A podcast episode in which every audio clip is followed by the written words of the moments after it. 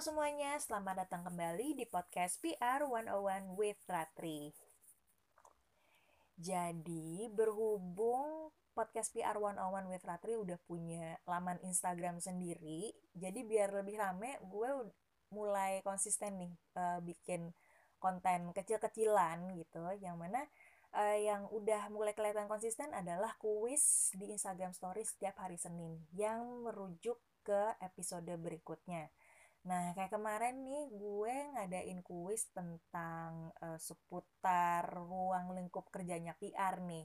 Mulai dari tujuannya, terus juga gimana caranya, um, apa aja yang termasuk di kegiatan PR dan apa juga yang bukan. Nah, setelah gue tungguin selama seharian ya, gue menemukan beberapa jawaban yang eh, temuan menarik yang mana uh, sebagian dari yang ngisi kuis itu udah lumayan ngerti lah sama ruang lingkup kerjanya PR gitu mulai dari segi tujuan, kegiatan, apa yang termasuk apa yang enggak, koneksinya ke mana aja gitu.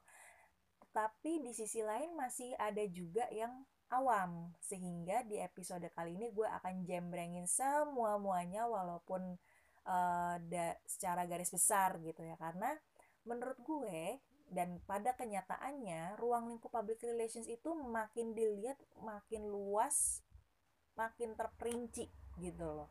Jadi eh, PR itu kan selalu berkembang dari waktu ke waktu ya. Jadi seiring dengan perkembangan tersebut scope of worknya tentu semakin bertambah untuk mengakomodir tantangan yang ada gitu. Nah ngomongin soal scope of worknya PR nih, gue tuh jadi keinget sama uh, sudah tentu fandom kesayangan gue Game of Thrones di mana uh, beberapa house-nya ini tuh punya moto yang ternyata beberapa di antaranya itu berkaitan erat sama scope of worknya PR dari segi wisdomnya gitu. Penasaran nggak? nggak semuanya sih, tapi ada gitu. Jadi gue langsung cerita aja. Nah, kalau di pertanyaan pertama kuis itu kan gue nanya soal uh, apa sih tujuan akhir dari public relations. Nah, di situ tuh masih banyak nih yang kejebak sama jawabannya karena um, semua pilihan yang gue tulis itu saling berkaitan satu sama lain gitu. Di mana uh, tujuan dari kegiatan public relations itu kan sudah tentu mendapatkan brand awareness sama peliputan dari eh, peliputan oleh media karena gimana pun uh, peliputan peliputan media dan dan brand awareness itu mainnya bareng that's why um, apa namanya kedua tujuan dari kegiatan PR tersebut itu nyambung banget sama motonya klan Lannister yaitu Hear Me Roar. Nah, kebayang kan? Gimana kalau misalkan brand pengen kedengaran su suaranya tuh um, hal yang dilakukan adalah um, bikin berita bikin berita dan mempublikasikannya supaya mereka ngeh dan pada akhirnya berangkat dari uh, peliputan media dan brand awareness tersebut lama-lama numpuk dan berujung kepada reputasi dari sebuah perusahaan. Nah, ngomong-ngomong nih, membangun reputasi perusahaan itu susah banget dan butuh waktu yang cukup lama gitu loh.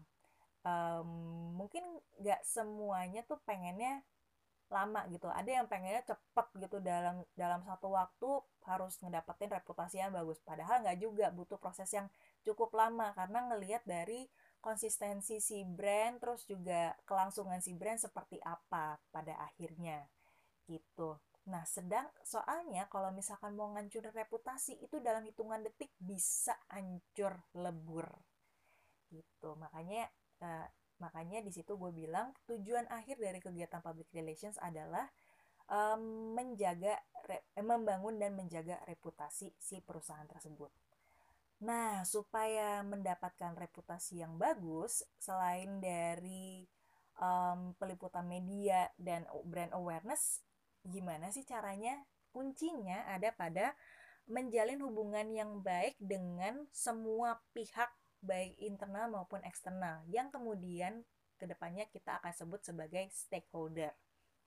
Nah, e, membangun hubungan yang kuat dengan stakeholder itu berkaitan erat dengan e, motonya Tyrell yaitu growing strong. By growing the strong uh, connection akan menciptakan reputasi yang bagus. Nah, ini nih, ini uh, part yang menurut gue paling panjang dan paling rinci gitu ya.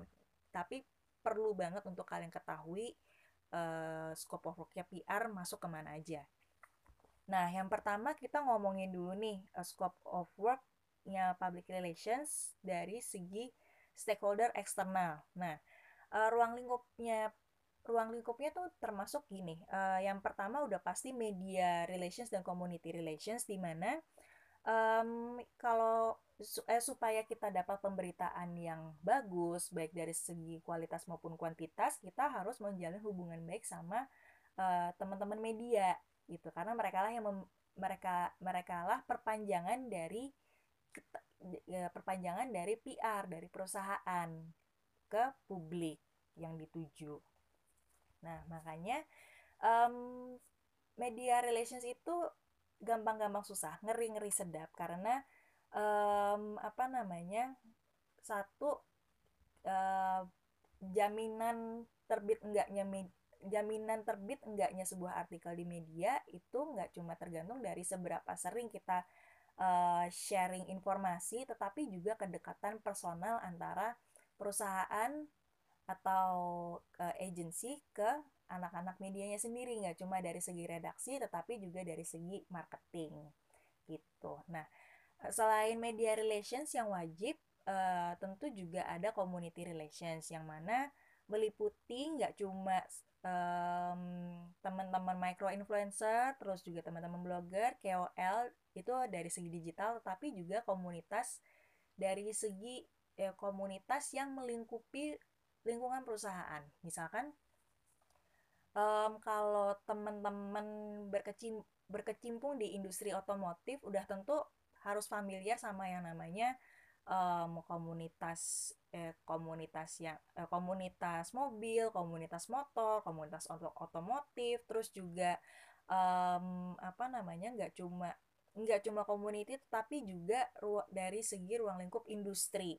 Nah, kalau ngomongin industri otomotif udah pasti anak-anak PR otomotif harus familiar dengan yang namanya Gaikindo, terus juga event-event besarnya seperti GIAS dan IIMS yang mana e, dari situlah kita bisa mendapatkan data, mendapatkan update terkini tentang industri dan bagaimana kita harus menyikapi situasi tersebut. Nah, berangkat dari community relations uh, ada beberapa ada masanya ketika PR tuh harus berurusan dengan pemerintah. Apalagi kalau misalkan kita mau bikin campaign gede-gedean dan uh, menya dan membutuhkan dukungan pemerintah gitu. Apalagi isunya sangat penting isunya cukup penting gitu. Misalkan kayak um, stunting pasti butuh dukungan dari Kementerian Kesehatan, terus juga uh, Kementerian Pendidikan dan Kebudayaan karena pada akhirnya akan mempengaruh berpengaruh terhadap pendidikan eh kelangsungan pendidikan si anak itu kalau misalkan mau ngangkat si stunting. Nah, nah uh, selain public eh, government affairs, industry relations udah, terus juga uh, kita mesti uh, ruang lingkupnya juga uh, melingkupi si public affair juga Nah, itu kalau dari stakeholder eksternal. Nah, kalau stake uh, nggak ketinggalan investor yang sudah mempercayakan cuannya ke perusahaan udah, udah termasuk stakeholder juga loh ternyata investor masuk ke investor relations. Nah, nanti gue akan ceritakan lebih lanjut lagi karena uh, sepanjang pengalaman gue belum pernah um, menghandle langsung uh, dengan investor jadi gue skip dulu dan akan gue pelajari di topik yang akan datang nah berangkat dari eksternal internal juga tentu nggak boleh dilupain dong. Nah kalau ruang lingkup internal uh, scope of work PR itu meliputi yang pertama udah tentu konsultasi. Nggak di in-house nggak di agency. Konsultasi itu udah jadi agenda wajib buat public relations. Karena gimana pun e, citra perusahaan itu kuncinya memang ada di public relations pada akhirnya gitu loh jadi di situlah PR dibutuhkan e, sebagai uh, hand of the king atau penasehat. Nah, ini khusus si perannya PR sebagai hand of the king nanti gue akan bahas lebih lanjut lagi gitu. Um, terus udah gitu nih selain konsultasi, um, kalau misalkan kita mau bikin kegiatan nih yang skalanya um, sekecil apa pun skalanya, kita perlu data yang akurat yang bisa uh, kita gunakan sebagai latar belakang kegiatan itu. Nah, um, makanya riset analisis juga termasuk loh uh, scope of worknya PR gitu di mana kita tuh menggali lagi apa sih yang menyelidiki lagi apa sih yang lagi uh, tren di industri yang sedang sedang menaungi kita terus tren apa aja sih yang ada terus um, situasi apa sih yang kita hadapi ngaruhnya gimana ke ke perusahaan nah kurang lebih kayak gitu risetnya yang kemudian nantinya akan diolah menjadi uh, proposal strategic planning sebelum akhirnya diimplementasikan gitu. Nah, selain dari segi taktikal, dari segi strategi, um, kita, kalau internal itu juga termasuk karyawan-karyawan perusahaannya sendiri nih, yang tujuan akhirnya uh, bisa men menciptakan budaya dalam perusahaan gitu. Contohnya gini, um, di satu perusahaan gede yang memegang value eco-friendly itu memberlakukan uh, meminimalisir jumlah tempat sampah misalkan uh, uh, tempat sampah cuma satu spot terus juga kewajiban bawa bekal terus mak apa namanya rajin-rajin makan sayur nah itu salah satu budaya yang dibentuk sama perusahaan gitu uh, pelan sih cuma lama-lama akan akan uh, memperkuat citra si perusahaan tersebut sebagai um, company yang eco-friendly gitu misalnya. Nah, uh, selain dari situ bisa juga kegiatan PR internal itu um, melalu, dilaksanakan melalui penyebaran newsletter. Nah, nanti gue akan jelaskan lebih jauh lagi seperti apa.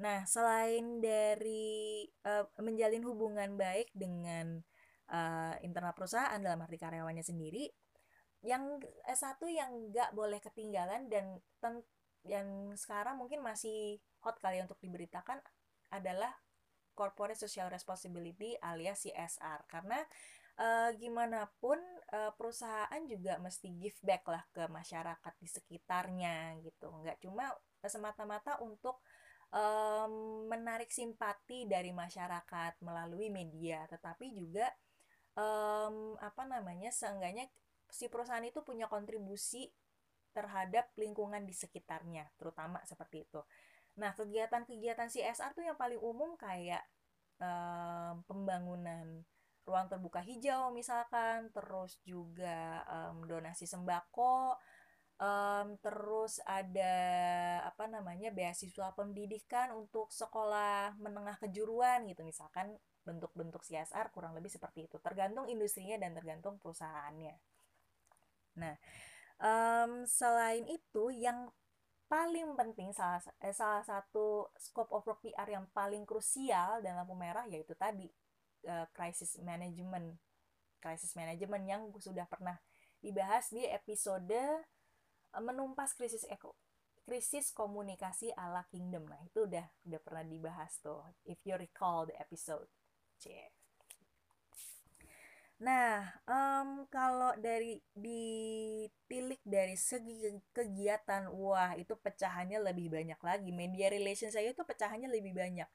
That's why um, kalau kalau media relations itu kegiatannya nggak cuma nyebar rilis, terus juga bikin advertorial, media collaboration yang berbayar, tetapi juga kalau misalkan um, sebelum eh, pra pandemi atau kalau misalkan udah ada pandemi tapi masih bisa ketemu online ya bisa bisa media visit dan dengan tujuan um, apa namanya kita kenal lebih jauh lah media apa sih yang kita datengin gitu. Gambarannya seperti apa um, kira-kira isu menarik apa aja sih yang kira-kira yang kira-kira bisa kita ulik bareng-bareng kegiatan apa. Nah itu ada di media visit Nah, selain media visit, kalau misalkan kita udah nyebar konten nih, misalkan dalam bentuk advertorial, feature story, konten berbayar segala macam, itu uh, wajib hukumnya untuk dimonitoring. Makanya that's why dalam media relations kita mesti pasang mata nih. Kita mesti benar-benar waspada karena winter is coming. Cila kayak kayak um, motonya motonya Clan Stark ya winter is coming karena gimana pun uh, PR juga mesti waspada terhadap berbagai situasi gitu apalagi kalau berhubungan sama media melalui pemberitaan. Jadi ada kalanya kita scanning pemberitaan sehari-hari yang kira-kira bakal ngaruh ke perusahaan. Misalkan oh si ini lagi kena kasus nih. Terus um, ini ngaruhnya ke mana ya ke perusahaan kita? Gimana pengaruhnya? Dan dan atau mungkin sebaliknya kayak potensi apa nih? Kita bisa nyelip bisa tap in di mana nih kalau situasinya kayak gini gitu. Itu fungsi dari media monitoring. Selain uh, di luar uh, men menentukan PR value-nya sendiri ya. Nah uh, selain media relations oh kalau kalau um, dari segi kontennya sendiri seperti yang tadi gue udah bilang uh, selain sebar press release secara secara free kita juga uh, untuk supaya make sure KPI kita terpenuhi bisa juga um, memberlakukan kerjasama berbayar. Kayak misalkan aspiratorial terus juga uh, janjian bikin infografis atau video atau video rilis bareng gitu khusus dirilis di media tersebut yang kemudian bisa disebarluaskan. Nah itu itu namanya kerjasama berbayar atau media collaborations. Nah, abis dari media media relations, kalau community relations, nah itu ini udah jelas, udah pernah gue jelasin nih di awal, di mana um, kegiatannya itu melingkup um, meliputi CSR, terus juga ada community gathering online, terus juga uh, pengiriman PR package atau hampers uh, buat uh, baik itu buat nge-review atau sekedar um, apa namanya menjalin hubungan baik satu sama lain di di berbagai momentum misalkan ulang tahun, lahiran, terus juga um, lebaran atau mungkin Natal. Nah, itu uh, pengiriman PR package bisa tuh di, dilakukan. Nggak cuma ke community secara general ya, tetapi ke media juga biasanya sering tuh uh, ngirim ya kirim-kiriman PR package atau mungkin ucapan selamat seperti itu atau mungkin kado supaya ya itu tadi apa namanya mempererat silaturahmi antara antara uh, perusahaan PR dengan pihak-pihak yang bersangkutan atau stakeholder. Nah, uh, kalau selain dari si uh, media relations dan community relations, nah kalau kegiatan dari in, dari internal itu seperti yang gue sebutkan tadi ada uh, newsletter terus juga bisa ngelakuin annual activity misalkan outing tahunan ke mana terus juga um, team building ya, team buildingnya perusahaan ini ngapain sih untuk untuk memperbaiki teamwork di setiap divisi terus juga um, sesekali CSR ke pegawai yang membutuhkan misalkan ada pramubakti uh, dikasih sembako atau dikasih um, bantuan berupa uang tunai misalkan kayak gitu di perusahaan. Nah, yang gak kalah penting dari ke, dari scope of work eh, kegiatan PR internal adalah spokesperson training karena um, orang-orang ini yang akan berhadapan langsung dengan media baik baik melalui wawancara langsung atau malah malah acara uh, webinar atau mungkin press conference nah mereka eh, mereka inilah representasi dari perusahaan. Makanya penting bagi public relations untuk uh, mempersiapkan betul uh, apa namanya persona persona yang akan mereka tampilkan, mulai dari gaya berbicara, terus bagaimana um, mengalihkan jawaban kalau misalkan ada pertanyaan yang out of topic. Karena uh, kalau misalkan diarahin pakai briefing dokumen secara tertulis itu nggak cukup. Padahal panduannya udah tertulis jelas tapi tetap aja nggak cukup. Ada uh, pendekatan yang yang harus lebih personal lagi yaitu itu melalui si spokesperson training. Nah ngomong-ngomong spokesperson training nih um, cukup menarik nih untuk diobrolin. Karena biasanya tuh kalau kalau melalui kalau mau ngelakuin spokesperson training sudah pasti kita ngundang perwakilan dari media supaya supaya uh, bisa dibagi juga nih insight dari dari teman-teman media yang diharapkan dari perusahaan tuh apa sih terus uh, jawaban apa sih yang diharapkan terus um, apa namanya hubungan apa sih yang bisa dibangun dari situ. Nah seperti itu. Terus juga nggak ketinggalan mengundang uh, public speaking trainer nih supaya kan uh, supaya si spokesperson atau uh, atau manajemen yang mewakili perusahaan ini bisa um, apa namanya membawakan diri dengan baik di hadapan publik. Itu penting sih. Nah, kalau bisa disimpulin nih dari um, topik yang gue ceritakan tadi dan hubungannya dengan uh, beberapa moto di House Game of Thrones, rumusnya kira-kira gini. Kalau dari segi tujuan, um, house yang paling nyambung adalah Lannister yaitu Hear the Brand Roar. Karena um, tujuan dari kegiatan PR itu di awal adalah brand awareness sama um, peliputan di media gitu. The the harder the roar the the more they notice the brand itself. Nah kemudian gimana caranya untuk uh, mencapai uh, tujuan akhir yaitu reputasi itu kuncinya ada di growing strong. Growing the strong network with the with both of the stakeholders baik internal maupun eksternal sehingga um, dalam dalam membangun hubungan itu kita, uh, public relations juga harus waspada dalam uh, memegang teguh prinsip winter is coming di mana PR harus uh, waspada akan berita-berita uh, potensi berita negatif atau malah potensi um, bikin kegiatan baru yang lebih inovatif terus juga kesempatan untuk kolaborasi bahkan. Dan dan juga um, tetap memonitoring media dan potensinya untuk kerjasama seperti itu.